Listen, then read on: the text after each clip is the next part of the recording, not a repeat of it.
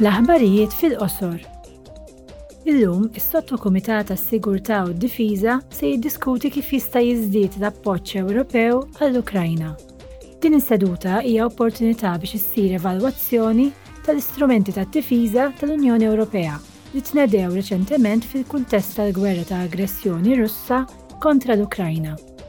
Id-diskussjoni se tiffoka fuq il-Faċilità Ewropea għall-Paċi, li hija pilastru ċentrali fl-għoti bla preċedent ta' tagħmir militari difensiv letali lill-Ukrajna.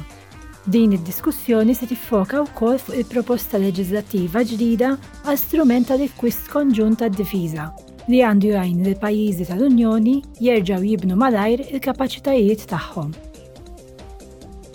Il-ġuħ żdied fid-dinja kollha imma s-sitwazzjoni hija l-iktar inkwetanti fl-Afrika tal-Lvant fejn kull minuta jmutu żewġ persuni bil-ġuħ.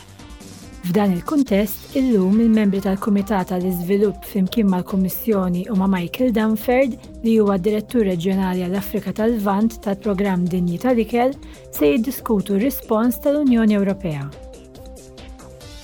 Il-ġimgħa li għaddiet il-Parlament Ewropew approva d-deċiżjoni li jibdew in-negozjati dwar miżuri ġodda li għandhom l-għan li jtejbu l-kundizzjonijiet għall-ħaddiema tal-pjattaformi tax-xogħol diġitali.